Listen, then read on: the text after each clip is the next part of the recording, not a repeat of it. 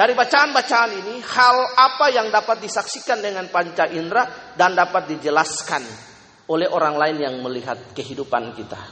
Nah, kalau pribadi Bapak Ibu, anak-anak dan saya menjadi pribadi yang dinyangenin oleh Tuhan, yang disukai oleh Allah, yang dicintai oleh Allah dan Tuhan itu senang dengan kehidupan kita. Yang pertama, maka banyak orang di sekeliling kita dapat melihat dengan panca indera, melihat dan mereka dapat menjelaskan, oh ya orang Kristen itu, bapak itu, ibu itu, pemuda itu kehidupannya baik.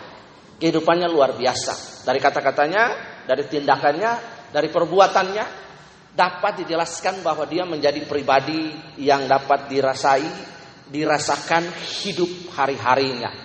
Bagaimana di kantor, teman-teman kantor dapat merasakan, dapat merasai bagaimana pribadi itu menjadi berkat dari sikapnya, tutur kata dan perbuatan hari-hari. Di tempat dia bekerja, di dalam keluarga, dalam rumah tangga, dalam pergaulan, orang dapat melihat kita. Apakah kehidupan kita itu menjadi sebuah kehidupan yang ngangenin Tuhan, yang ngangenin orang lain atau tidak? Ataukah kehidupan kita itu menjadi kehidupan yang tidak disukai oleh orang lain?